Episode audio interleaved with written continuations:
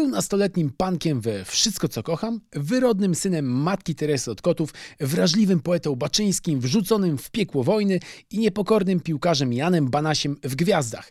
Aktualnie możecie podziwiać go na wielkim ekranie w Kryminale Świętym, a na małym w serialu Bracia.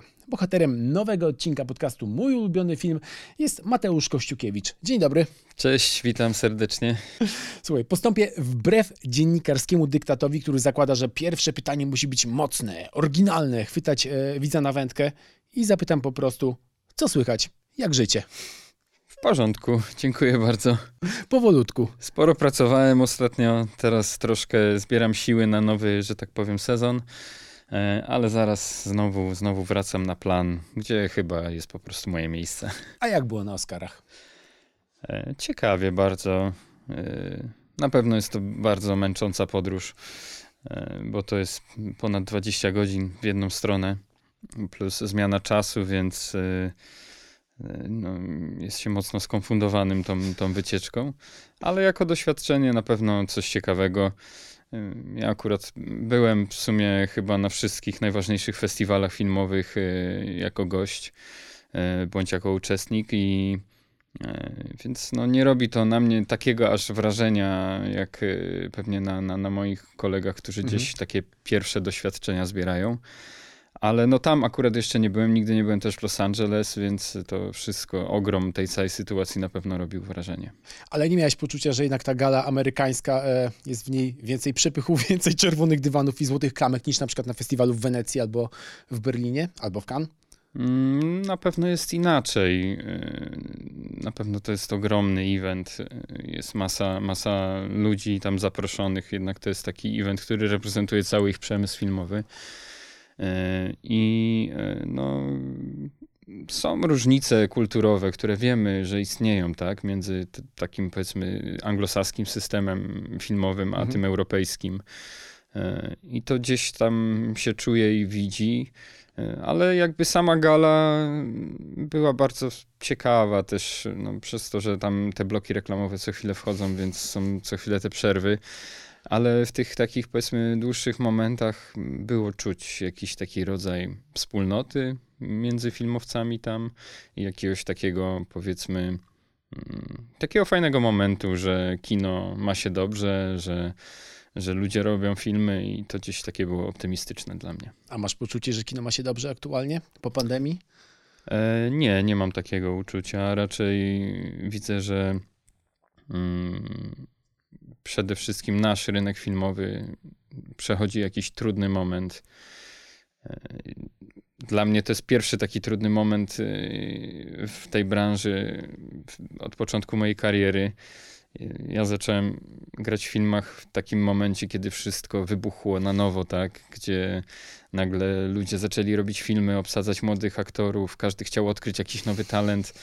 E, I to był jakiś taki niesamowity, piękny czas też e, dla mojego pokolenia, dla aktorów z mojego pokolenia, w ogóle dla filmowców mhm. E, polskich przez ostatnie prawie 20 lat. To był taki super czas. A pandemia gdzieś zaburzyła to,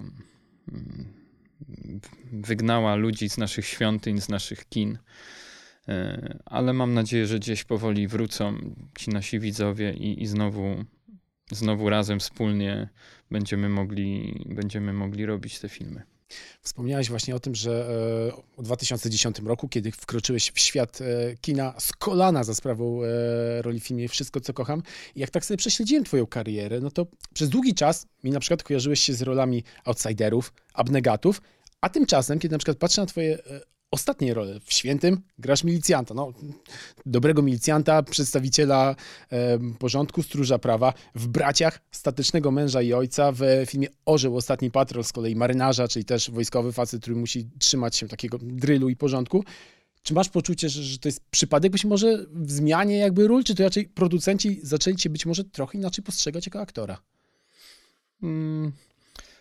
Myślę, że to jest taki moment w mojej karierze, z którego jestem bardzo zadowolony przede wszystkim. I też myślę, że e, przez to, że miałem to szczęście, że mogłem zrobić tyle filmów, że mogłem być na tylu planach, że mogłem tyle czasu spędzić jakby w tej pracy, dało mi doświadczenie, dało mi jakieś takie poczucie pewności tego, że to, co robię, jest dobre. No i co, no. Aktor, aktor, aktor, jest człowiekiem do wynajęcia, tak? Jest jakby takim rzemieślnikiem, którego można sobie wynająć po to, żeby stworzył jakąś postać i, i ją odegrał w filmie. I też jak byłem młodszy, nie do końca to rozumiałem, tak? No bo wielu starszych moich kolegów mówiło mi, że warsztat to jest takie ważne, tak? Żeby, żeby być zawodowcem, żeby być profesjonalistą. I gdzieś przez to, że żyjemy w takim świecie, w którym jest taka presja, żeby być indywidualistą, żeby mm, być jakby osobą jedyną w swoim rodzaju, e, gdzieś nie, nie, do, końca to, nie do końca to rozumiałem, mm, ale to przyszło z czasem, przyszło to z wiekiem, z doświadczeniem. E, I rzeczywiście po, po tych wszystkich y, produkcjach, po tych wszystkich filmach, które zrobiłem, zdecydowanie muszę przyznać rację moim, moim starszym kolegom, że warsztat to jest jednak kluczowe, ale przede wszystkim ważne jest to, żeby dążyć do tego profesjonalizmu, e, żeby sobie wybudować samemu mm, to, czym ten profesjonalizm dla nas jest i, i konsekwentnie zmierzać do, do realizowania swoich celów. Czyli taki spokój się pojawił, spokój i stabilizacja.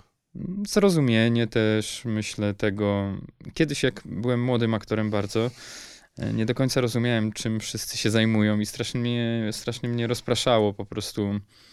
Plan filmowy jest jak taki ul, w którym się gotuje i, i bardzo dużo się tam dzieje i nagle pada magiczne hasło kamera, akcja i zapada kompletna cisza.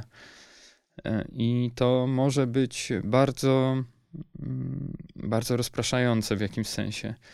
Mm, jest ogromna presja przecież na planie, szczególnie wobec aktorów, żeby w danym momencie, w tej jednej, w, ty, w tych kilkunastu sekundach wykonali swoje moment. zadania w tym magicznym momencie. Każdy chce, żeby ten magiczny moment gdzieś zaistniał i trzeba naprawdę mm, dobrze być przygotowanym, żeby wykorzystać tą każdą chwilę, a jest ich naprawdę bardzo mało, e, żeby wykorzystać każdą tą chwilę, która jest nam dana, kiedy stoimy przed kamerą. Aktorów często pyta się o to, do której z postaci, w jakie do tej pory wcielili się, jest im prywatnie najbliżej. To pozwól, że ja trochę zmodyfikuję to pytanie. Któremu z filmów albo seriali, w których wystąpiłeś, najbliżej jest do kina, które sam prywatnie kochasz i do którego cię ciągnie i do którego wracasz? No mam nadzieję, że jeszcze nie zrobiłem takiego filmu. E, zawsze trochę jest tak, że te filmy, które się zrobiło wcześniej, no to one gdzieś już tam są, tak? Już to jest też piękne w tym zawodzie, że zawsze już będą, zawsze zostaną, że w jakimś sensie dzięki nim jesteśmy nieśmiertelni. Długo po naszym odejściu, może i będą takie okresy, kiedy o nas zapomną, ale te filmy zostaną i gdzieś kiedyś ktoś tam je zobaczy i zobaczy nas na nowo i na nowo. Odżyjemy jako, jako milicjanci, jako outsiderzy, jako, jako nasi bohaterowie. I to gdzieś jest magiczne i zawsze to było coś, co najbardziej mnie pociągało w kinie. Y, to, że ono, że ono przetrwa. Brzmisz teraz dokładnie, jakbyś obejrzał film Babylon Damiena Chazela. Widziałeś go może? Widziałem film Babylon. Bardzo mi się podobał. Y, I też właśnie mnie rozbawiło, że właśnie to jest, to, to, to jest też coś właśnie fajnego, co, co zawsze obserwuję i, i doświadczam na, na, festiwalach filmowych, gdzie różni filmowcy się spotykają, że gdzieś są takie ideały, które łączą nas y, ponad granicami. I gdzieś to marzenie, właśnie takie marzenie, że te filmy zawsze zostaną, gdzieś jest y, w wielu, wielu z nas. E, I, I, gdzieś to nam daje siłę do tego, żeby te karkołomne zadanie wykonywać dalej. Ale to było zabawne. Obejrzałem ten film i strasznie mi się ten film podobał.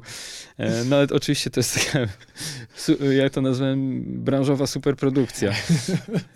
E, film o filmie dla, dla filmowców trochę. Ale piękne na pewno. Na pewno piękne jest w tym filmie to, że że tak fajnie opowiada o tym, kim są filmowcy, o tym wielkim marzeniu, e, żeby być filmowcem i, i robić te filmy. E, super film, bardzo mi się podobał. Ale rzeczywiście, tam jeden z bohaterów, y, którego gra mm, Brad Pitt na Brad Pitt. Y, rozmowę z dziennikarką, która dokładnie coś takiego A to zabawne, mówi. bo ja śmiałem się, o zobacz, taki typowy, zrobić taką postać, typowy taki aktor, który nie ogarnia w ogóle rzeczywistości, jest tak skupiony na sobie, że, że tylko tak, że tak gada i... No, ale coś w tym jest zdecydowanie i to nie tylko aktorzy tak myślą. No, ale ten film również pokazuje, e, no właśnie, że artyści generalnie są ludźmi obdarzonymi ego i w zasadzie bez tego ego nie dałoby się tworzyć kina, nie dałoby się tworzyć sztuki, bo jednak musisz odnaleźć w sobie jakąś taką odwagę i przeświadczenie, że masz coś światu do pokazania i zaprezentowania, ale jednocześnie ten film pokazuje, że koniec końców wszyscy artyści są tak naprawdę trybikami w większej machinie, jakim jest właśnie wiem, Hollywood, kino, sztuka i trzeba się z tym pogodzić. E, no to, to jest to ciekawe, też... Mhm. to o czym, o czym mówisz, no bo każdy, powiedzmy, ja akurat uważam, że aktorzy nie są do końca artystami, tak? Właśnie bardziej są takimi mm, ludźmi, którzy mają się przysłużyć wielkim artystom w realizowaniu ich pomysłów. E, czasami zdarza się, że aktor może być też artystą, ale niekoniecznie spełnia się artystycznie w aktorstwie. Raczej e, ma jakieś inne dziedziny, w których, w których się realizuje. Aktorstwo może być sztuką, zdecydowanie, ale to się tak rzadko zdarza. I to jest bardzo rzadkie doświadczenie. Więc raczej myślałbym o tym jako takiej rzetelnej, ciężkiej pracy. Ale ciekawe jest to, co mówisz, że właśnie ludzie z tak wielkim ego spotykają się w tym koncepcie robienia wspólnie filmu, bo jednak to jest ogromna praca zespołowa. Masa ludzi przed planem, w trakcie planu i po planie pracuje przy filmie i gdzieś każdy z nich wkłada swoją pracę, swoją cegiełkę do, do, do, te, do, do swojego projektu. E, I oczywiście są takie momenty, gdzie to ego jest ważne, tak?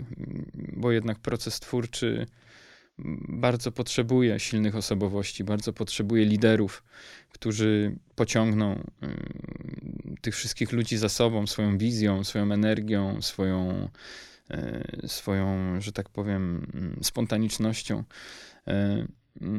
Ale mimo wszystko jednak gdzieś na końcu ci wszyscy ludzie tworzą jakąś taką grupę, rodzinę, powiedzmy, na chwilę podpisują pewien dziwny kontrakt, że umawiają się na jakieś realizację jakiegoś marzenia. I to gdzieś jest piękne i szlachetne. Wspomniałeś o tym, że aktorzy bardzo często realizują się w innych dziedzinach i spełniają. Ciekawi mnie, jakie są na przykład twoje dziedziny, w których ty realizujesz się, kiedy masz poczucie, że to aktorstwo może nie do końca dostarcza ci tego spełnienia? No, dostarcza spełnienia. Wielką satysfakcją jest y, móc pracować jako aktor. Jako aktor, który może grać, bo też pamiętajmy o tym, że aktor, który nie gra, jest człowiekiem nieszczęśliwym, jest człowiekiem sfrustrowanym, jest y, człowiekiem, który ciągle wierzy i, i pragnie czegoś i nie może tego dostać. I, i to jest bardzo frustrujące i, i przykre. E, a większość aktorów jednak zmaga się z tą frustracją.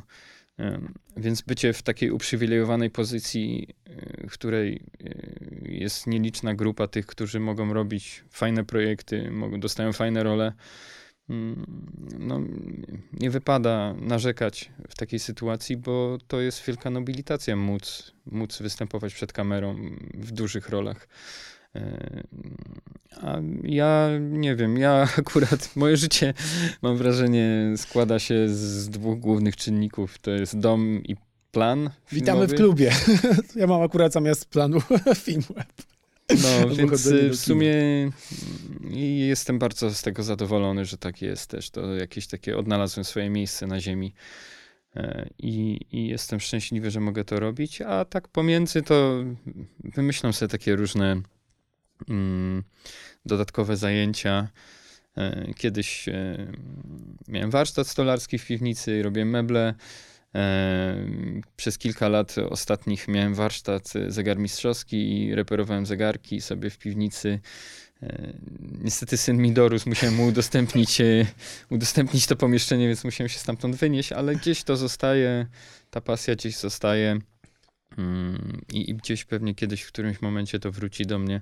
A teraz rozmyślam właśnie nad tym, żeby, mm, żeby znaleźć sobie jakieś nowe zajęcie i, gdzieś mm, odpłynąć w jakąś nową fantazję. muszę pociągnąć ten temat. E, stolarstwo, jak się pojawiło? Czy na przykład jakieś twoje dzieła można e, zobaczyć na zewnątrz? Obdarowywałeś je być może kimś, albo sam masz w domu, nie wiem, krzesło swojego autorstwa? Albo Mój tata był stolarzem, znaczy mhm. jest stolarzem i nauczyłem się tego od niego, pomagając mu mm, jakby po szkole w pracy. E, a z takich rzeczy, no to u nas w domu na wsi jest mój stół taki, który zrobiłem Zbudowałem go mm, z takich elementów, e, które e, nabyłem w takim powiedzmy składzie starego drewna. Jakieś takie elementy, krokwie, półkrokwie, podłogi, deski ze starych domów, z rozbiórek starych domów. Są takie miejsca, można sobie takie rzeczy kupić.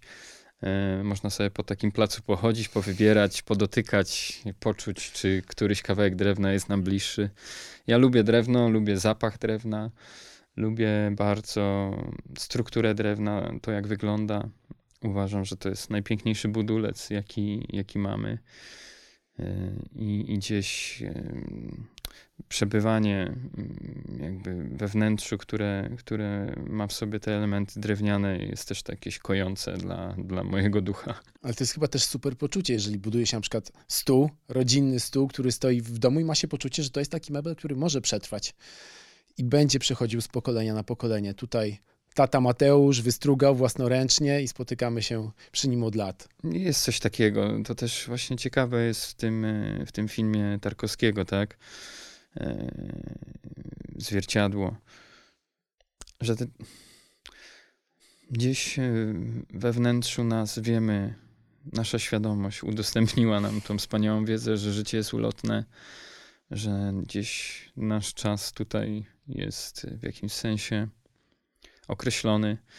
E, to też ciekawe w sumie, bo to pojęcie czasu, mimo że je zdefiniowaliśmy, to nadal w jakimś sensie go nie rozumiemy do końca. Nie potrafimy go wyjaśnić, dlaczego on tak bezwzględnie płynie i się nie zatrzymuje. To właśnie a propos, jak zagadnieniami zegarmistrzostwa mhm. E, się zajmowałem, to, to, to sporo czytałem o filozofii czasu i jakby o tym, skąd w ogóle się wzięły zegary, tak? Dlaczego, dlaczego mm, nagle uznaliśmy, że je potrzebujemy. I gdzieś w sumie, jak w tym filmie, właśnie jest coś takiego, że tak bardzo byśmy chcieli, żeby po nas coś zostało, tak? Co w sumie wydaje się dość absurdalnym pragnieniem, ponieważ jakby nas już nie będzie, nie? Był las i będzie las, tak? A, a nas już nie będzie. Nie wiem, to wynika chyba z jakiegoś właśnie takiego poczucia tego, o czym rozmawialiśmy wcześniej, tak, że te filmy też zostaną, że tak byśmy bardzo chcieli przetrwać w jakimś sensie, że ten instynkt przetrwania jest, jest w nas tak ogromny, tak głęboko osadzony, że, że nie chcemy, żeby, nie chcemy jakby odchodzić, tak. A to zawsze tak miałeś, czy to w jakimś momencie życia się wykształciło takie pragnienie właśnie pozostawienia po sobie czegoś? Ja trochę wychowałem się na takich, powiedzmy, ikonicznych postaciach, które żyły szybko i umierały młodo. E, I trochę też obrałem sobie za taki wzór dla, dla siebie. Na szczęście mm, udało mi się gdzieś z tego mitu wygrzebać i, i, i przejść 27 mm, rok życia jako osoba już dojrzała. E, ale gdzieś nie wiem, no jest, jest takie głębokie poczucie, tak? Z mit bohatera, mit rycerza, e, czy w pieśni o Rolandzie, czy mm, jakby no, cały średniowieczny mit rycerski gdzieś głęboko zaszczepił w naszej kulturze. Mm, bohatera wyjątkowego, bohatera, który wyróżnia się od innych, który jest powołany do robienia większych rzeczy, tak? Który jest wybrańcem, pomazańcem. Mm, i gdzieś, gdzieś to w nas siedzi kulturowo chyba i, i pewnie gdzieś y, czasami jak ta nuta wybrzmi, to w którymś tam, w którejś głowie dzwon dzwoni i mówi zrób coś, rusz się, wyjdź stąd, idź przed siebie i nie patrz się za siebie. A z drugiej strony czasem pojawia się druga myśl, a ten fotel jest tak wygodny, na dworze jest tak zimno. Można by było zostać w domu i nadrobić sobie kolejny serial na Netflixie. Masz jakiś swój sposób na to, jak zwalczać na przykład właśnie taką, nie wiem, gnuśność, marazm, czy nigdy cię raczej coś takiego nie dotyka? Dotyka mnie bardzo mocno, pławię się w tej gnuśności, jak każdy, kto się w niej zatopi. Mm. Ale gdzieś chyba po jakimś czasie u każdego pojawia się rodzaj zmęczenia, takim powiedzmy obelżywością wobec samego siebie. I jeśli się nie ruszymy, to zaczniemy się chyba, to zaczynamy się zapadać. E, I, I to powoduje, że zaczynamy być chorzy po prostu. Chorzy na umyśle, na ciele w kolejnym etapie. Mm. Myślę, że lekarstwem na to jest zawsze praca i, i, i to, żeby wyznaczyć sobie jakiś cel i dążyć do niego, bo nie ma nic bardziej mm, uznioślającego chyba jak obserwowanie tego, e, jak się do tego celu dochodzi i chyba to jest najciekawsza droga. A potem, jak już się ten cel osiągnie, no to już właśnie jak się jest takim bardziej dojrzałym człowiekiem, docenia się tą drogę, a cel przecież na początku był wyznaczony i jak ktoś ma w sobie wiarę i pewność siebie, to, to wie, że do niego dojdzie. Dobrze, w takim razie my nie zapadamy się, tylko proponuję wycieczkę do przeszłości. Pierwsza wizyta w kinie. Pamiętasz? Pamiętam doskonale kino nowości e, w Nowym Tomyślu. Piękne kino, stare, czerwone fotele, ogromny ekran. Wtedy jeszcze większy, bo się było mniejszym. Mm, na pewno pamiętam poranki filmowe, które tam były regularnie organizowane, gdzie leciały bajki. Bolek i Lolek i całe wszystkie klasyki, jakie, jakie znamy. E, pierwszy film pamiętam, który zobaczyłem. Mm, mój tata zabierał mnie i mojego brata do kina regularnie. Pamiętam. Nie wiem, czy to jest pierwszy film, który obejrzałem, ale pierwszy film, który pamiętam. Mm, też pamiętam to przez to, że idąc do tego kina i jedząc lody, przewróciłem się i zdarłem sobie kolano. I byłem tak przerażony, że nie pójdziemy do tego kina, że po prostu byłem w stanie wykrwawić się, byleby tylko tam dotrzeć. E, oczywiście rana nie była jakaś groźna, a filmem był Kapitan Hack. E, duży film. Obejrzałem go potem mm, po latach jeszcze raz. Piękny film, duży, ogromny, taka powiedzmy superprodukcja. E, I gdzieś ten Piotruś Pan, tak, i, i i cała, cała ta historia też głęboko osadziła się w mojej głowie i też budowała ten mit, powiedzmy, mm, jakiegoś bohatera, którym każdy z nas gdzieś tam w dzieciństwie chciał się stać. Mm. Kolejnym takim filmem na mhm. pewno był Park Jurajski. To też był taki film, Czyli który... Steven Spielberg, zostajemy w... No gdzieś po prostu... tego reżysera. Lata 90. to jest jego epoka, mhm. epoka jego najlepszych filmów. Hmm. No to też był taki film, który, na który wszyscy, pamiętam, chcieli pójść do kina, żeby zobaczyć dinozaury. Wychodziła taka śmieszna gazetka wtedy, w której można było złożyć model e, kości tyranozaura. I w ogóle był kompletny szał na dinozaury wtedy, jakiś taki absolutny. No i to też był taki film, który gdzieś zrobił ogromne wrażenie na mnie. Pamiętam, że siedziałem po prostu z rozdziawioną buzią i obserwowałem tą, tą historię. E, ale dziś chyba najbardziej podobało mi się to właśnie, że, e, że wchodząc do kina, mm, oczywiście byłem podekscytowany, ale że w trakcie jak w nim byłem, nagle kompletnie świat poza kinem przestawał istnieć. I strasznie dziś podobało mi się to, że, że wszyscy ludzie, którzy tam siedzą ze mną, też mają to samo, że nagle znikają jakby ze świata, z przestrzeni, że jesteśmy my, widownia i film, i ekran, i kino. I to jakieś było dla mnie niesamowite, transgresyjne przeżycie. Wyjście z kina było jakby wyjściem z jakiejś innej czasoprzestrzeni nawet pierwszy oddech po wyjściu z kina był czymś innym. Powietrze w tej sali też inaczej smakowało. No to ogromne przeżycie, niesamowite. E, I, w sumie chyba to jakoś zdefiniowało mnie, że, że zostałem filmowcem. Takim razie brawa dla pana Stevena. A w ogóle nie masz poczucia, że e, kurczę, jak jest się dzieckiem, to jest się najlepszym widzem i wtedy też film najbardziej się chłonie. Jeżeli film jest dobry, to cię absolutnie porywa i rzeczywiście się w nim zatapiasz i potem im jesteś starszy, a już w ogóle jeżeli wchodzisz na przykład do tego zawodu, to już nigdy nie będziesz oglądał tego filmu w taki sposób, jak oglądałeś, jak byłeś dzieckiem. To prawda, szczególnie takim silnym, bo jednak y, też y, telewizja odgrywała ogromną rolę w kształtowaniu jakichś moich gustów filmowych początkowych. I pamiętam, jak mm, moi rodzice oglądali, chyba to było, właśnie nie pamiętam, czy to był Fanny i Aleksander, czy to był, czy to były Szepty, któryś z filmów Bergmana. Mhm. Nie pamiętam dokładnie który, ponieważ się, zakradłem się po prostu i przez szparę w drzwiach y, oglądałem ten film, bo on leciał późno w nocy. I potem bardzo długo, przez wiele, wiele dni, może nawet y, tygodni, ten film we mnie został. I pamiętam to poczucie w mojej głowie, w, tym, w moim dziecięcym umyśle. Y, że nie mogą się tego pozbyć. Nie mogą się pozbyć tych bohaterów, nie mogą się pozbyć ich cierpienia. I to było dla mnie wstrząsające, bo nie przeżyłem czegoś takiego w życiu realnym.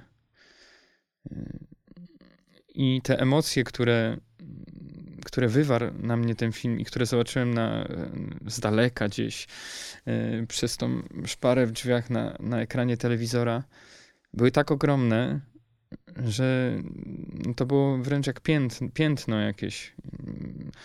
Pamiętam, że też miałem takie myśli, czy to kiedyś mi przejdzie w ogóle, czy to już tak zostanie na zawsze, czy już zawsze będę musiał ten film nosić w sobie.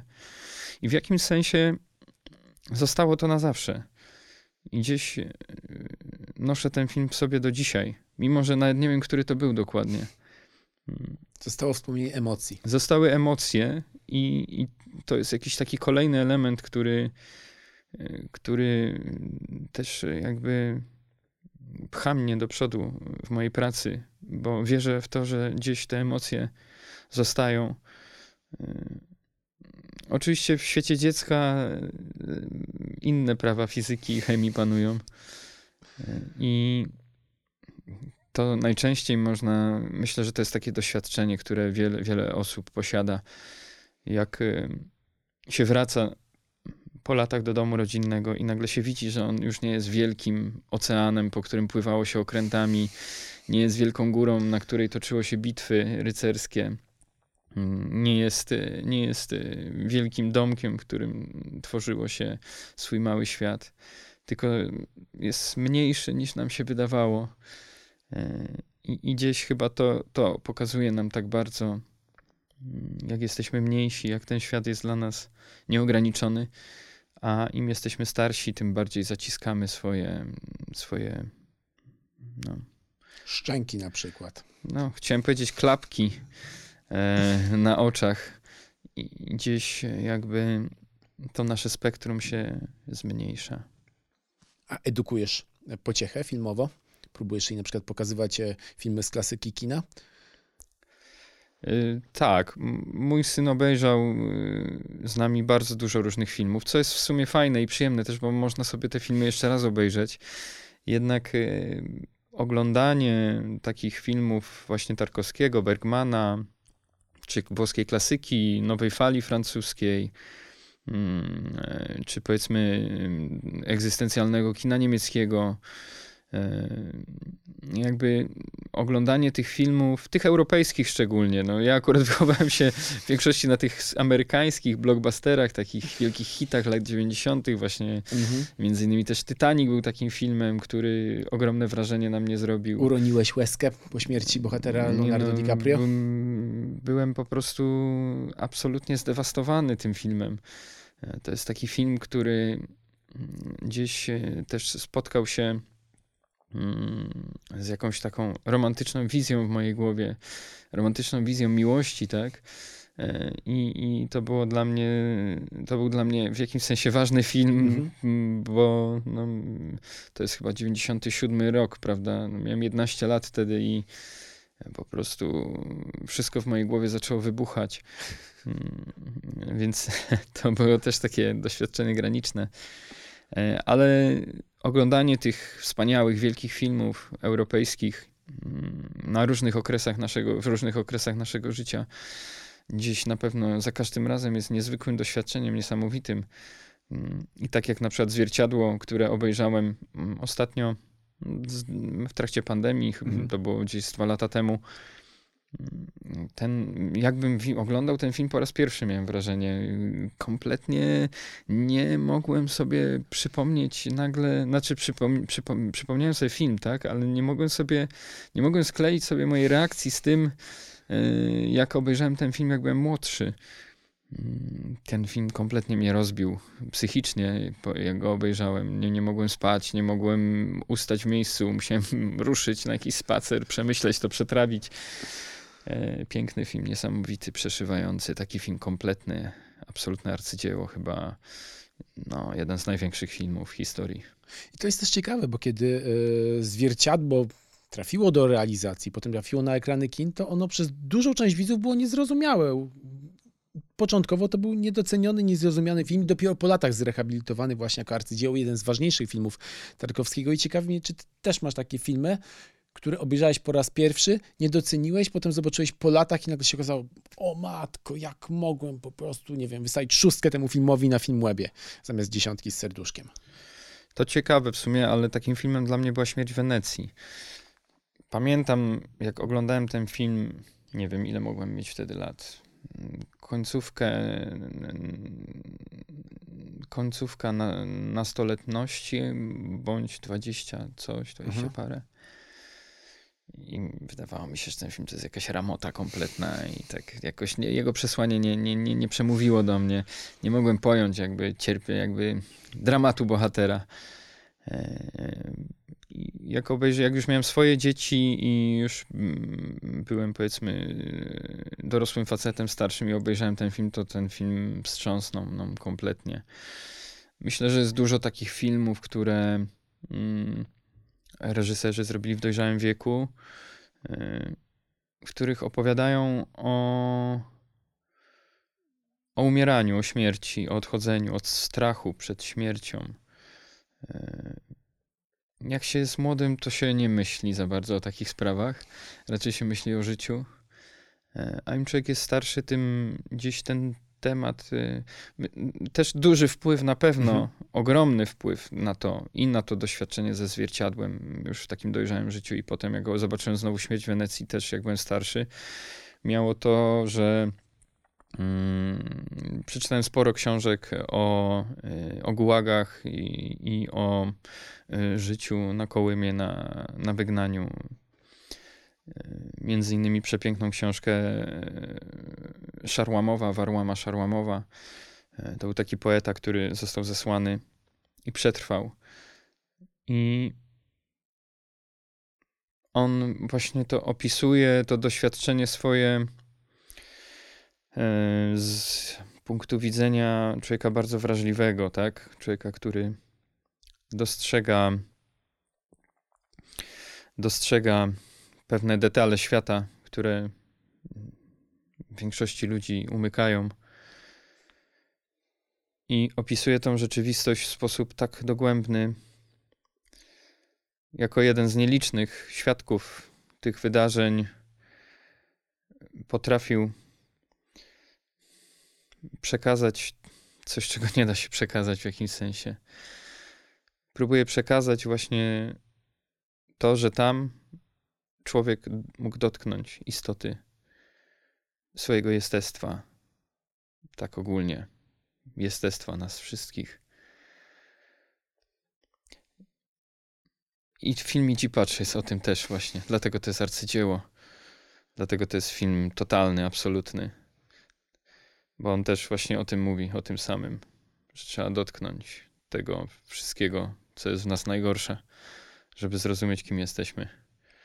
No, naprawdę polecam przeczytać sobie tą książkę i obejrzeć ten film. Na pewno jest to inne, inne kompletnie, inne kompletnie doświadczenie. Mm. Gdzieś, e, gdzieś e, E, właśnie to jest, to jest niesamowite, że w miarę jak dorastamy, w miarę jak nabywamy kolejne doświadczenia, to gdzieś w naszej głowie te filmy też się zmieniają i pewnie Titanic nie zrobiłby już na mnie takiego wrażenia dzisiaj. Kto wie, widowisko cały czas. Czy Jurajski Park to jednak były takie e, mocno jakby filmy nastawione e, na efekt. E, taki piorunujący efekt natychmiastowy. A gdzieś te największe filmy, mhm. te filmy, które miały tak ogromną siłę, ich siła leżała w czymś innym, nie w tym efekcie natychmiastowym, tylko w tym, że bardzo długo potem te filmy w nas zostają i zmieniają nas jako ludzi, yy, zmieniają naszą wrażliwość. Ojci, patrz, jeszcze porozmawiamy, ale zostając na chwilę przy zwierciadle, to jest film w dużej mierze chyba inspirowany e, marzeniami sennymi i też mający trochę jakby taką logikę marzenia sennego. Chciałem cię zapytać, czy wierzysz w potęgę podświadomości, właśnie marzeń sennych? To, co do nas przychodzi, kiedy śnimy, e, czy warto się wsłuchiwać w ten głos? Tak, nawet mm, prowadziłem taki eksperyment kiedyś, jak byłem młodym aktorem. Mm. E, eksperyment polegał na tym, że mm, Chciałem zauważyć, że jesteś ciągle młodym aktorem, bez przesady. Masz 36 lat. Tak, na szczęście nadal jestem młodym aktorem. To w sumie jest miłe, że to mogę nadal słyszeć. E, ale eksperyment pole, pole, polegał, znaczy to jest miłe, że nadal mogę być młodym aktorem, a wchodząc na plan filmowy czuję, że e, są jeszcze rzeczy, których mogę się nauczyć, ale jest ich coraz mniej. I to jest też ekscytujące w jakimś sensie, że gdzieś dochodzę do jakiegoś takiego momentu, w którym e, mam nadzieję, będę mógł ten rozdział zakończyć. E, nie wiem, ile mi to jeszcze zajmie, ale mam nadzieję, że krócej niż dłużej. E, I też to, że wchodząc na plan filmowy, czuję się, jakbym był w domu. Mm ludzie, którzy tam są, to moi znajomi i przyjaciele, ludzie, którzy tam są, lubią mnie, ja ich lubię. E, ludzie, którzy tam są, wiedzą, co robią i wiedzą, że ja też wiem, co robię, i to jest bardzo mm, takie, bym powiedział, satysfakcjonujące doświadczenie, e, że będąc nadal młodym aktorem, już e, to doświadczenie i mm, ta praca, którą się wykonała, wykonało, gdzieś procentuje i można e, iść dalej i, i osiągać jakieś kolejne, kolejne efekty, kolejne etapy. Mm, ale eksperyment polegał mhm. na tym, że mm, jakby co, co, co burzy nasze senne marzenie. E, I, jakby e, praktyka mówi o tym, że świat snu i świat realny odróżnia materia. Świat snu jest niematerialny, świat nasz materialny jest no, w jakimś sensie bardziej lub mniej, ja raczej wierzę, że mniej, jest w jakiś sensie przez nas zrozumiany. E, świat marzeń sennych nie jest przez nas zrozumiany, ponieważ nie potrafimy zastosować wobec niego żadnych E, żadnych, powiedzmy, naukowych pojęć. Mm. Teraz mi się przypomniało, że rozmawiałem z kimś o tym. Dokładnie e, na ten temat. Ale trik i ćwiczenie polegało na tym,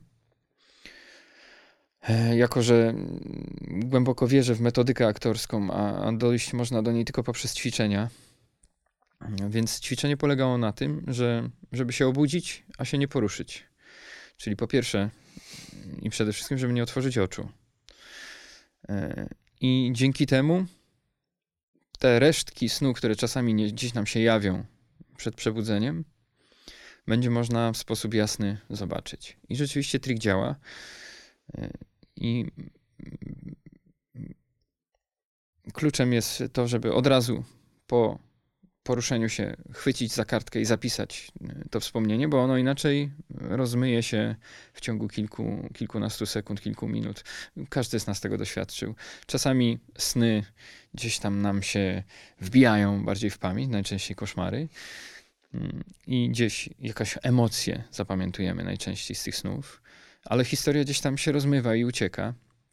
Mm, ale to Bergon chyba mówił o Tarkowskim. To jest takie chyba bardzo znane jego powiedzenie, że właśnie on miał dostęp do krainy snów. Mhm.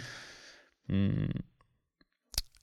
I ten film trochę jest taki, jak, jakby takim snem, prawda? Jest takim snem na jawie i to też jest nie, nieprawdopodobne w tym filmie, że, że można w ogóle taki film zrobić. Było wiele prób, najczęściej są to próby nieudane. Bardzo trudno jest zrobić taki film, który jest snem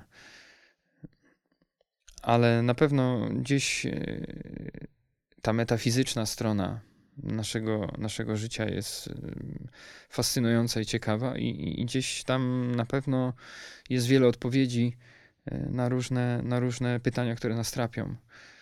Mm. Chyba psychoanaliza też jest z grubsza mniej więcej, mniej więcej o tym, żeby gdzieś w naszej podświadomości odnaleźć rozwiązania naszych problemów. A nie, nie psychoanaliza, to jego uczeń przecież to pociągnął. Jung, to Jung to pociągnął, a nie Freud. Yy, więc no, na pewno jest to fascynujące. Czynienie z tego nauki też jest pasjonujące, no bo można te książki poczytać i gdzieś samemu próbować zrozumieć pewne sprawy. Jak się czegoś nie rozumie, można sięgnąć do bibliografii i czytać dalej, i dalej, i dalej, i dalej, i dalej. I to tak naprawdę się nigdy nie kończy. I, E, i, i można w sumie zgłębić każdą, każdą nurtującą nas sprawę mm, w ten sposób i to jest gdzieś piękne w naszej nauce. Wspomniałeś o tym, że e, czekasz na moment, kiedy będziesz miał poczucie, że nauczyłeś się już wszystkiego jako aktor i ciekawi mnie, e, czy masz poczucie, że jest być może jakiś taki wiek, pułap wieku, kiedy osiągniesz optimum jako aktor, kiedy będziesz już doskonale czuł się w swojej skórze, będziesz doskonale znał swoje rzemiosło i po prostu będziesz gang OG, jeżeli chodzi o zawód aktorski. Myślisz, że jest taki dobry wiek dla aktora, kiedy. E, to jest y, trudno. trochę już w tym siedzę i, mhm. i, sporo się o tym naczytałem. Też mam własną praktykę. Y, obserwowałem wielu znamienitych aktorów y, i też moich kolegów i ludzi z mojego pokolenia. Także naprawdę sporo o tym wiem. I chyba trochę też jest tak, że przez to, że zmieniają się warunki yy, zewnętrzne, tak, czyli to, jakie robi się filmy, czy yy, jak te, teraz też również seriale, które w sumie są takimi wielkimi filmami mhm. podzielonymi na akty. Co też jest jakimś w ogóle niesamowitym etapem w pracy, no bo role, które budujesz są o wiele obszerniejsze, większe, można bardziej e, skomplikować, tak? Y, wiadomo, że w serialach często bohaterowie są uwikłani bardzo mocno y, w fabułę i, i oś narracji i jakby ich y, doświadczenia i rozwój bohatera wynika mocno z tego trybu fa, jakby wynika z historii po prostu, którą się opowiada. W filmie często jest tak, że bohater jakby jest niezależny wobec, wobec historii, jest jakby takim, powiedzmy, mm, jest jakby niezależny mm, w tej narracji. Mhm. E, więc zmieniają się na pewno warunki zewnętrzne, ale też zmieniają się warunki fizyczne. I to też jest niesamowite, bo one jakby, to jest taka, jeśli chodzi o aktorów filmowych, to jest chyba jedna z głównych predyspozycji to, jak e, dany aktor wygląda przed kamerą. Hmm. I to się zmienia, więc zmieniają się też role, zmieniają się też warunki, e, w których możesz pracować. Więc w jakimś sensie jest to droga, która się nie kończy, tak? Można być aktorem do końca życia i, i to może być ciekawe na każdym etapie kariery. Ja czuję, że jestem na jakimś takim etapie, w którym e, najlepsze chyba przede mną dopiero. E, I gdzieś mam takie poczucie, że, że bycie dojrzałym aktorem, doświadczonym aktorem, w jakimś sensie uznanym też, może nie dla szerokiej widowni, ale e, powiedzmy dla, dla tych, co oglądają takie filmy właśnie, których nikt nie ogląda. Że gdzieś, e, że gdzieś taki w sumie najfajniejszy czas dla mnie się zaczyna i jakieś najfajniejsze, najfajniejsze wyzwania też czuję, że, że ci bohaterowie, którzy przede mną stoją, których widzę przecież na co dzień w lustrze, mm, że gdzieś oni, mm, że gdzieś oni jeszcze mają sporo do powiedzenia i, i jeszcze, jeszcze mam nadzieję kilka fajnych filmów, seriali przede mną. Jak tak sobie z tobą rozmawiam, obserwuję twoją działalność medialną, kiedy pojawiasz się w innych wywiadów, wywiadach, to rysuje mi się postać takiego zafrasowanego, bardzo poważnego człowieka. Ale też wiem, że potrafisz być, e, mówiąc kolokwialnie, niezłym jajcarzem. No przychodzi mi do głowy twoja rola na przykład w filmie Bilet na Księżyc, gdzie byś absolutnie kapitalny jako brat głównego bohatera. I ciekawi mnie, co cię śmieszy tak w ogóle w filmach, w życiu? Jakie jest twoje poczucie humoru? No, ja bardzo lubię kiedy śmiech też mnie rozczula. Na przykład w tym filmie Szazela. Dla mnie to było jakieś bardzo, bardzo mnie to, bardzo mnie ten film bawił. E, rozśmieszał mnie na maksa. Wręcz miałem takie momenty, że rozśmieszał mnie do łez, które jakoś łączyły się też z jakimś wzruszeniem. Niesamowite jednak było to, że, że kino dla ludzi e, przed epoką dźwiękową to było tak niesamowite doświadczenie, tak graniczne doświadczenie. E, te, te, te piękne historyczne relacje, że ludzie wręcz wybiegali z kina wystraszeni, e, czy nie mogli uwierzyć, jakby, że obraz jest ruchomy. Mm, to gdzieś jakoś tak mnie wzruszyło bardzo w tym filmie. Taka, bym powiedział, właśnie ta dziecięca wiara w to, że to, co widzimy, jest prawdziwe. A ogólnie tak y, mnie jako człowieka to mm, ja mam dość specyficzne poczucie humoru. Chyba trochę też ukształtowane przez to, mm, e, jaka atmosfera panuje na planach filmowych. To jest jednak takie miejsce, na którym najwięcej czasu spędziłem w swoim życiu. E, ale tak prywatnie to najbardziej jednak y, rozśmiesza mnie absurd i jakaś ironia. Mm, powiedzmy taki żart, który nie do końca jest śmieszny, tak, ale gdzieś pozwala nam mm, zagłębić się trochę bardziej w nasze myśli e, i gdzieś y, zobaczyć y, w tym, w tym żarcie też jakąś prawdę. A zdarza ci się wkręcać na przykład ludzi? Mm, cały czas uwielbiam to robić. Kogo ostatnio wkręciłeś i w jaki sposób? Um, niestety, ale lubię robić takie dowcipy moim najbliższym, jakieś takie mm, dowcipy.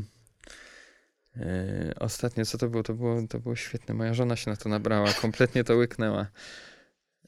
A, tak. E, mój syn e, jakoś e, był, źle się poczuł, pojechaliśmy do lekarza.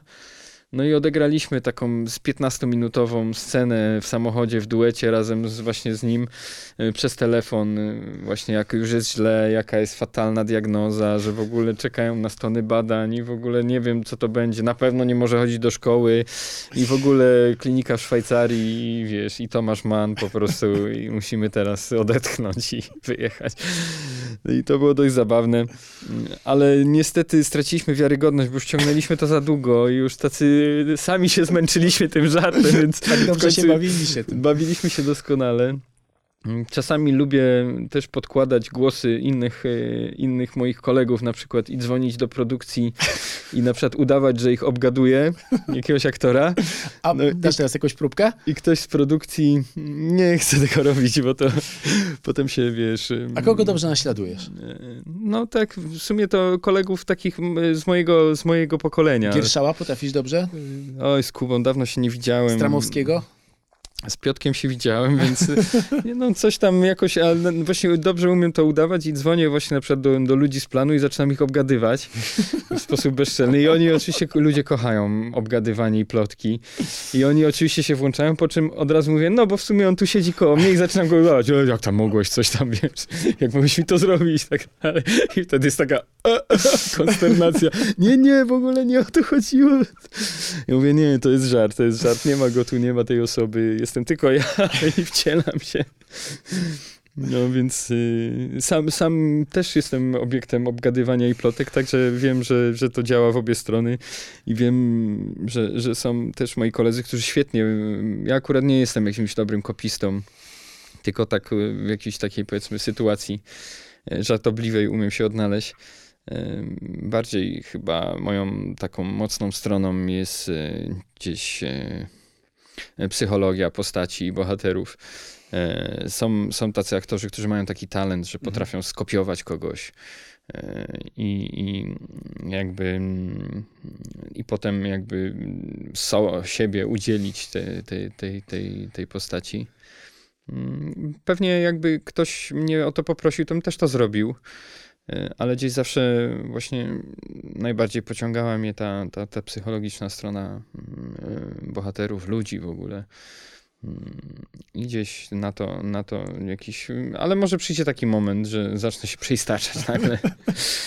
A jaką najdziwniejszą plotkę słyszałeś na swój temat? Bo wspomniałeś o tym, że często jesteś obiektem ploteczek. To taka totalnie wystrzelona, że myślałem sobie, wow, to dopiero science fiction. Hmm.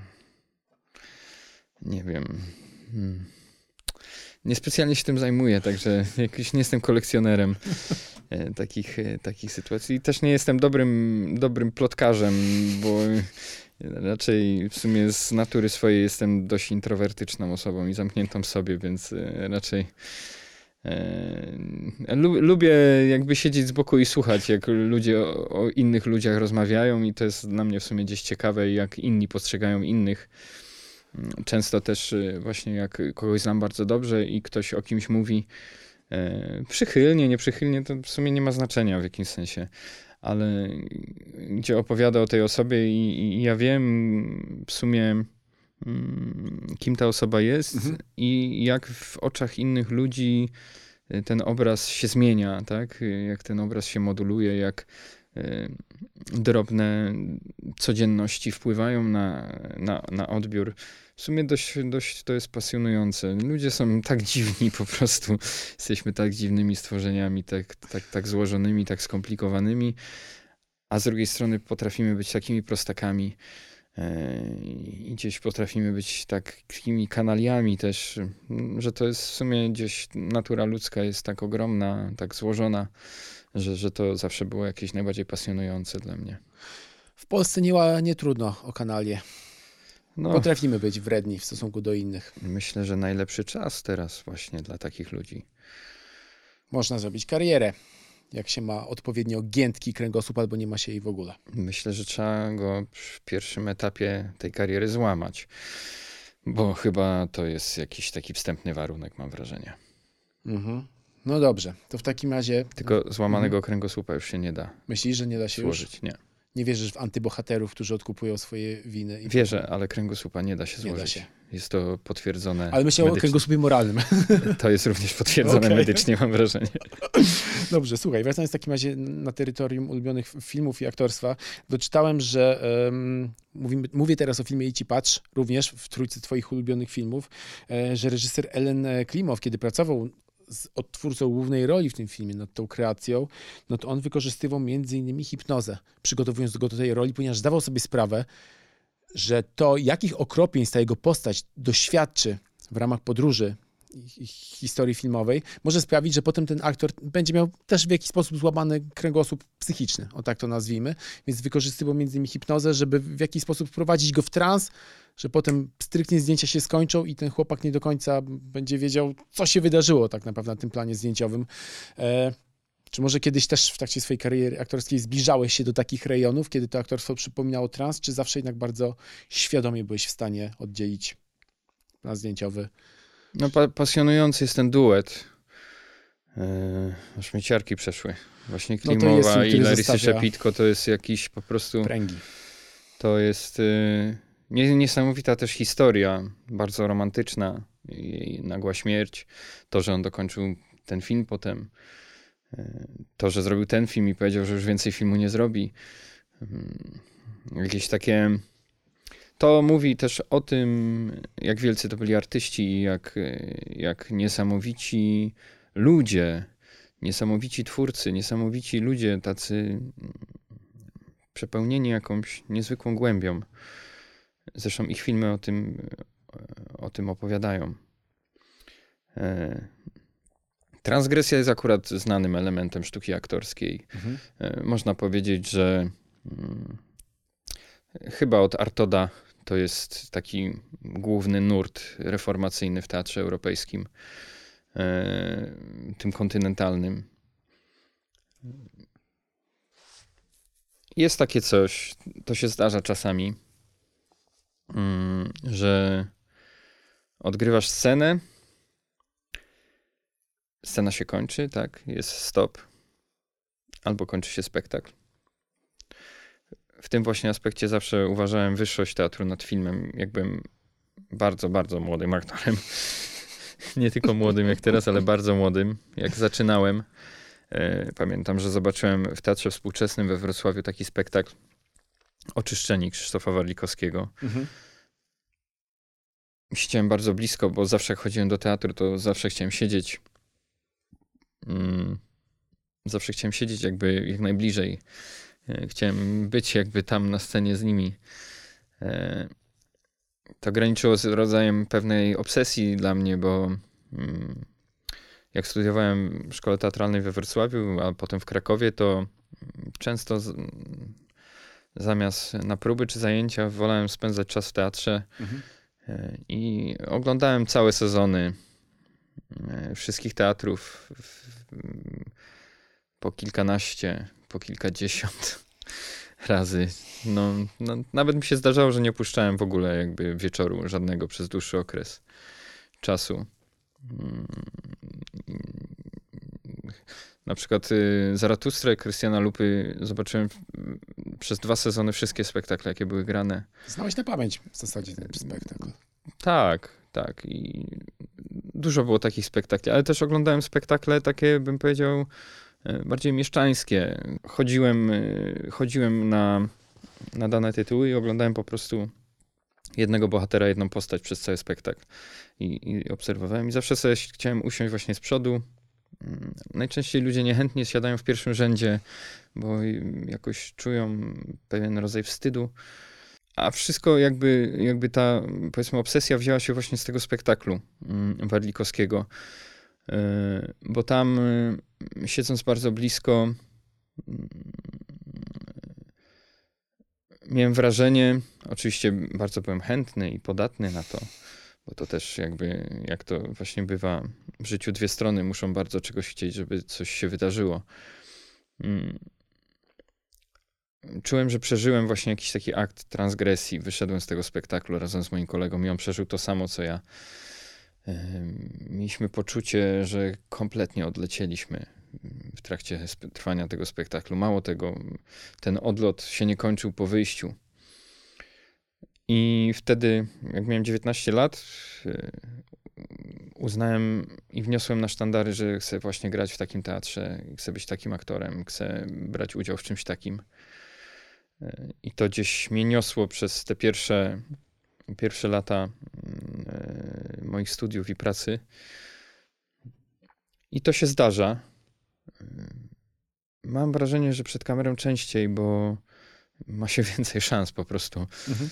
E, I to się zdarza, i to jest jakby takie. To jest niesamowite, właśnie, bo struktura czasu się zmienia mm, względem naszego wewnętrznego pojmowania tego czasu bo czas jakby w swojej naturalnej strukturze jest równomierny, tak? I jakby no wiemy, że po prostu mm, zbudowaliśmy cały system, który nam określa go, że on płynie i się nie zatrzymuje.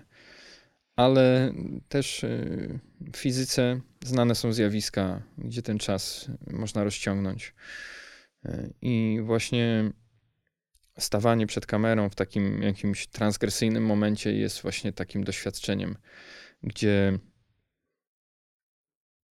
powiedzmy z, z fizycznego punktu widzenia ma się kilkanaście, kilkadziesiąt zadań do wykonania, e, kilkanaście, kilkadziesiąt słów do wypowiedzenia, e, kilka pozycji, w których trzeba stanąć, kilka dziesiąt technicznych spraw, które trzeba przeprowadzić.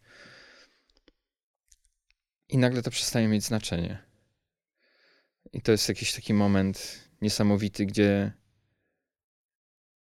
potem patrzysz na to na ekranie i to się dzieje bardzo szybko. Na przykład trwa tam, przepraszam, trwa tam 30 sekund, tak? A w tym momencie, w którym się to robiło, mhm. miało się wrażenie, że to trwa wieczność i, i ma się czas absolutnie na wszystkie te rzeczy, żeby je zrobić. Absolutnie na wszystko, co ma się do wypowiedzenia, żeby wypowiedzieć. Mało tego, ma się masę czasu, żeby się nad tym wszystkim w trakcie zastanowić. Bardzo to jest specyficzne. I najczęściej, gdy to się kończy, mhm. wydaje nam się, że tego w ogóle nie było. No, to jest, to jest jakiś taki chyba jeden z najfajniejszych w ogóle momentów e, w pracy e, aktora. Do, doświadczenie właśnie tego rodzaju transgresji. Jakby zagięcie czasu na chwilkę, na ten momencik, na sekundę. Że jesteś trochę jak super bohater Marvela, który potrafi bardzo szybko e, wykonać, nie wiem, czy śledzisz ekranizację komiksów? No ja byłem komiksożercą, jak, jak byłem dzieckiem, także też zbierałem komiksy, także e... jestem po stronie, jestem po stronie zdecydowanie. Wolisz DC czy Marvel? E... Szczerze? Teraz już nie wiem. Przez lata byłem takim zatwardziałem fanem Marvela, jak śledziłem czwart... czekaj, czwartą? To chyba była czwarta faza. Ta, która nastąpiła po Avengers koniec gry to już tak trochę mój entuzjazm osłabł. Ale jest taki bohater, Quicksilver, który właśnie Dokładnie. potrafi bardzo szybko wykonywać e, coś w sekundę, wykonać tysiąc rzeczy, które nam by zajęły pewnie z, parę godzin. Więc tutaj podobny rodzaj coś w tym stylu, zagięcia no. czasoprzestrzeni następuje właśnie w Coś w tym stylu, tylko dla człowieka, który stoi obok, mhm. czas płynie dalej tak samo. I, i to jest jakby, to, to zdarzenie jest jakieś takie, bym powiedział, tak abstrakcyjne. Aha nawet nie potrafię tego do końca wytłumaczyć, wiesz, bo to jest coś tak dziwnego. To jest naprawdę jakby wbrew naturze rzeczy. A ty wolisz bardziej Marvela czy DC? Zawsze ja byłem Marvel guy. Marvel, X-Men i tak dalej, więc yy, to, no, ale jednak słabość do Batmana też gdzieś tam mnie uwodziła mocno. Zawsze. Myślisz, że Robert Pattinson poradził sobie jako nowy Batman? Tak, uważam, że to jest świetny aktor. Yy, który w sumie wbrew pozorom bardzo szybko zrzucił z siebie yy, wizerunek jarzm, ja, jarzmo, jarzmo zmierzchu. Jarzmo zmierzchu młodocianego, młodocianego wampira, idola nastolatek i przeszedł w jakiś taki e, dojrzalszy etap swojej kariery i super, uwielbiam go oglądać, naprawdę świetny aktor no, musiał trochę jakby powystępować w kinie artystycznym. U Claire Denis na przykład występował, pamiętam. W... Mi się wydaje, że to bardziej chodzi o to, że musiał przetrwać. Aha. Przetrwać nie tyle na planie, bo myślę, że on na planie czuje się super. E, większość takich aktorów właśnie, którzy kochają tą pracę, czuje się na planie właśnie jak w drugim domu, tak? Czy czasami nawet bardziej czują się w domu na planie niż gdzieś tam w swoim życiowym zagubieniu. E, I chyba to była kwestia przetrwania mhm. E, właśnie poza planem. Bo na planie to jest jest są jakby cieplarniane warunki dla aktorów. Tak bym to określił. Łatwo jest im funkcjonować na planie, łatwo jest im żyć na planie. A w życiu jest, już nie ma tak ułatwionych reguł gry. Nie ma scenariusza. Nie ma scenariusza, dokładnie. A propos scenariuszy, słuchaj, jak, jak tam, jak wygląda twoje poletko scenariuszowe? Bo napisałeś z Maciejem Bochniakiem dwa filmy, e, zrobiliście Disco Polo, potem Magnezję i co? Bo tak przeczytałem w jednym z wywiadów, że podobno taki twój ulubiony początek dnia to jest taki, że wstajesz, robisz śniadanie, odwozisz dzieciaki do szkoły, potem idziesz na kawkę, otwierasz komputer i jak to wygląda? Dalej coś? No, jako osoba pisząca zawsze coś tam. Osoby piszące muszą coś pisać, bo inaczej nie są w stanie jakby funkcjonować. to jednak porządkuje bardzo, mm, bardzo głowę. Dlatego myślę, że ci, co. Znaczy, jak nie piszesz czegoś konkretnego, to piszesz jakieś notatki, dzienniki prowadzisz i tak dalej. No po prostu ta potrzeba mm, porządkowania swoich myśli poprzez zapis gdzieś jest tak silna, że nie można się od tego uwolnić. I, to gdzieś porządkuje głowę na tyle, że, że tak powiem, pomaga w takim codziennym funkcjonowaniu. E, ale teraz nie piszę żadnego scenariusza. To jest jednak takie doświadczenie dla mnie jako filmowca, takiego, który jednak jest e, takim chłopakiem z kamerówki, z planu. E, to jest takie doświadczenie, bym powiedział, głęboko rozczarowujące. Jednak w wyobrażeniu scenarzysty.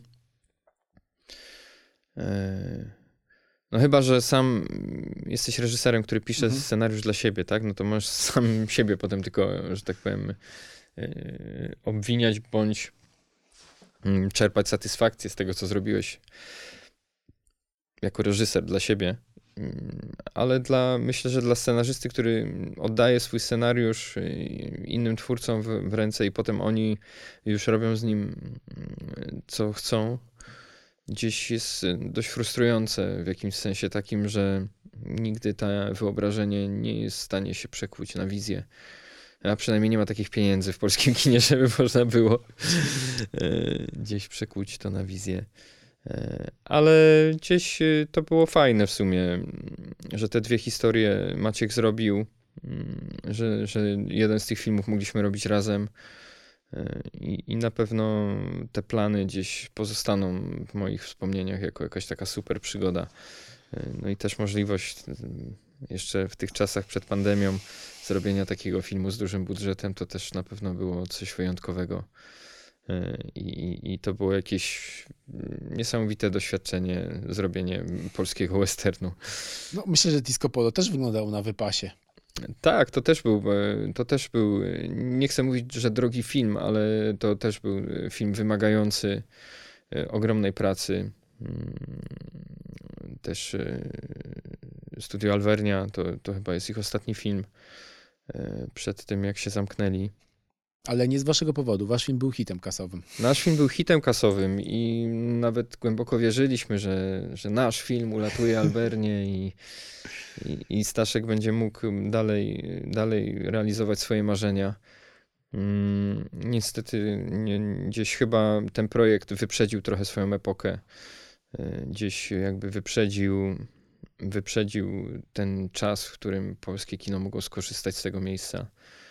E, ale jeszcze powstaną kolejne studia filmowe, myślę, i, i gdzieś, gdzieś ten nasz, e, ta nasza branża, przemysł filmowy będzie się dalej rozwijać, mam taką nadzieję. Słuchaj, no jest też bogaty świat serwisów streamingowych, które inwestują w filmy, ale chciałem też zauważyć, że historia kina zna wielu świetnych aktorów, którzy potem debiutowali za kamerą jako reżyserzy. Było takich kilku. Czy może Mateusz Kościukiewicz chciałby dołączyć do nich? Nie. Dlaczego?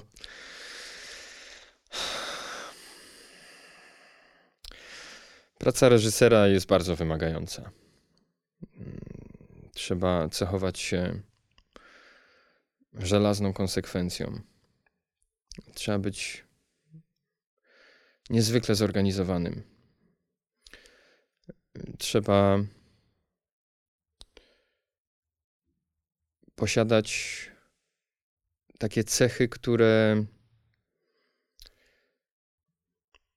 które skupiają tak wiele elementów niezbędnych do, do w ogóle do stworzenia sytuacji, że film może powstać. I na każdym kolejnym etapie mm, trzeba mieć naprawdę niezwykłą siłę, niezwykły hard ducha, żeby, żeby film doprowadzić do końca. Trzeba porwać ogromną ilość ludzi, trzeba zgromadzić ogromne, ogromne pieniądze. I to jest naprawdę wielkie zadanie. Ja mam zawsze ogromny szacunek do reżyserów, yy, którzy zrobili swój film, bo wiem, ile to pracy wymaga. I nie mówię, że nie mam takiego hartu ducha i pewnie jakbym ktoś postawił przede mną takie zadanie, to sprawdziłbym się w tej roli. Wierzę, wierzyłbym w siebie przynajmniej, że sprawdziłbym się w tej roli. Wierzyłbym również e, w to, że zgromadziłbym wokół siebie takich ludzi, którzy by mi w tym pomogli. Bo to jest też jedna z takich, no, jednych z, z najistotniejszych cech reżysera, że potrafi gromadzić wokół siebie ludzi, którzy mu pomogą zrobić film samemu filmu się nie da zrobić. Nie ma szans, przynajmniej takiego profesjonalnego. Zawsze musi być ktoś, kto w nim zagra, kto potrzyma coś, kamerę czy mikrofon, e, kto znajdzie jakieś miejsce, kto potrafi tak skorzystać z Excela, żeby wycisnąć z niego po prostu e, wycisnąć z niego każdy możliwy kwadracik, prostokącik.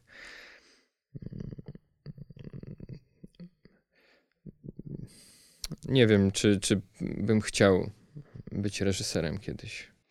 Chciałem zauważyć, że niejaki Brian Cox, twórca głównej roli w serialu Sukcesja, no zbliża się do osiemdziesiątki i będzie teraz debiutował jako reżyser, więc nigdy nie mów nigdy.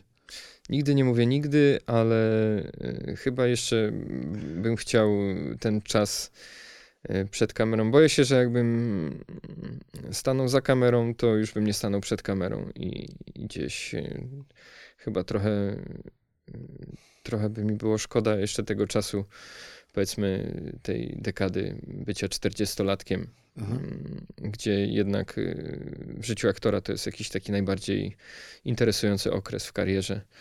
Y, jednak chyba y, spędzę go jako aktor nadal. No dobrze, ale w, w takim razie. Jak... Ale próbowałem, próbowałem no. wielu różnych funkcji, pracowałem w wielu w różnych działach i departamentach przy pracy nad filmem. Gdzie się najprzyjemniej pracowało? W produkcji. Ludzie z kasą. W produkcji jest bardzo sympatycznie, jest biuro, jest ekipa z biura. Najlepszy e, catering, ciepło. Jest, jest fajna praca, bo jest dużo różnych problemów, które trzeba rozwiązać natychmiast. E, teraz y, część biura przeniosła się na plan, to też jest bardzo fajne, że jakby biuro jest y, częścią planu, to też jakoś tak jeszcze bardziej konsoliduje ekipę filmową ze sobą e, i też przyspiesza wiele, wiele, różnych, y, wiele różnych spraw, które na planie czasami się pojawiają z nienacka i te problemy trzeba rozwiązać natychmiast. E, na przykład kopułka, nie wiem czy wiesz, co to jest kopułka w, w żuku. Yy, w Nysie, przepraszam, w mhm. Nysce. To jest taki element silnika, bez którego Nyska nie zapali. Yy, I czasami właśnie jak kopułka się zepsuje, to mogą się zrujnować całe zdjęcia, szczególnie jak to się dzieje rano. No i nagle trzeba znaleźć kopułkę do Nyski. Więc e, właśnie ludzie z produkcji to są tacy ludzie, którzy potrafią e, wyczarować różne rzeczy znikąd i z niczego i odnaleźć nawet kopułkę gdzieś pod gniezdem. A które stanowisko w takim razie na mm, planie filmowym być może nie wspominasz jako takie, na które chciałbyś wrócić? Które, które nie chciałbym? Tak, tak, tak, odwrotnie. Hmm. Na pewno w epoce przedledowej mhm. Y, bycie oświetlaczem to była bardzo ciężka fizyczna praca. Dźwiganie lamp, y, ustawianie ich na statywach, wciąganie ich y, na różne wysokości i rozbieranie tego potem i składanie, no to bardzo ciężka fizyczna praca. Wszystkie te prace fizyczne, one są bardzo wymagające, wymagają jakiejś takiej żelaznej, żelaznej konsekwencji. Stanie z mikrofonem w bardzo niewygodnych pozycjach i bycie boomerem w jakichś takich po prostu gdzieś ekstremalnych sytuacjach. Czasami mam wrażenie, że właśnie oni są takimi Spidermanami gdzieś na planie, że gdzieś wchodzą w jakieś różne kąty, miejsca, wciskają się i kierują ten mikrofon y, w stronę, mm, w stronę planu i w stronę aktorów. Y, ale też mają takie super niesamowite momenty, kiedy na przykład wstają rano, y, bardzo wcześnie przed wszystkimi jeszcze idą nagrywać jakieś setki, jakiś na przykład Y, dźwięk budzącej się łąki o poranku, niesamowite doświadczenie gdzie trochę zamieniasz się nagle w takiego dokumentalistę, yy, jak z National Geographic, czaisz się gdzieś w krzakach i czekasz w słuchawkach z, z mikrofonem i, i, po prostu nagle widzisz ten wschód słońca, widzisz jak ta natura budzi się do życia i te wszystkie y, ilości dźwięków, które nagle zbierasz mm, do mikrofonu. E, no, więc gdzieś chyba jest coś takiego, że każda funkcja przy pracy nad filmem, każda rola, którą ktoś odgrywa, ma jakieś takie mroczne swoje aspekty, trudne, ciężkie, często brutalne jak i te niesamowicie piękne. I chyba jest coś takiego, że wszyscy ludzie, którzy robią filmy, właśnie w każdej swojej profesji odnajdują, odnajdują właśnie ten jakiś dziwny balans, czy powiedzmy kontrast w swojej pracy i, i gdzieś właśnie przez to też to kochają. Że, że, to, że to jest tak pełne doświadczenie, zarówno pozytywne, jak i negatywne. I w ten sposób zatoczyliśmy koło, bo w zasadzie naszą rozmowę też zaczęliśmy od tego, że kino i sztuka to jest no, kino, zwłaszcza kino to jest jednak y, praca zbiorowa, gdzie każdy odpowiada za swoją malutką cegiełkę, którą dokłada do dzieła i tym jakże optymistycznym akcentem. Pamiętajcie, kino to praca zbiorowa. Myślcie o wszystkich oświetlaczach, ludziach, którzy wstają bardzo wcześnie rano, e, żeby potem powstały piękne sceny składające się na piękne filmy. A do tego wszystkiego doszliśmy razem z Mateuszem Kościółkiewiczem. Mm, tak, dziękuję bardzo. Można się przyzwyczaić do tego wstawania rano. Jest jeden pozytywny aspekt tego, że kończy się pracę po południu i potem jest więcej czasu na integrację. I tego Wam życzymy. Integracji i dobrych filmów do oglądania. Dzięki. Dziękuję bardzo.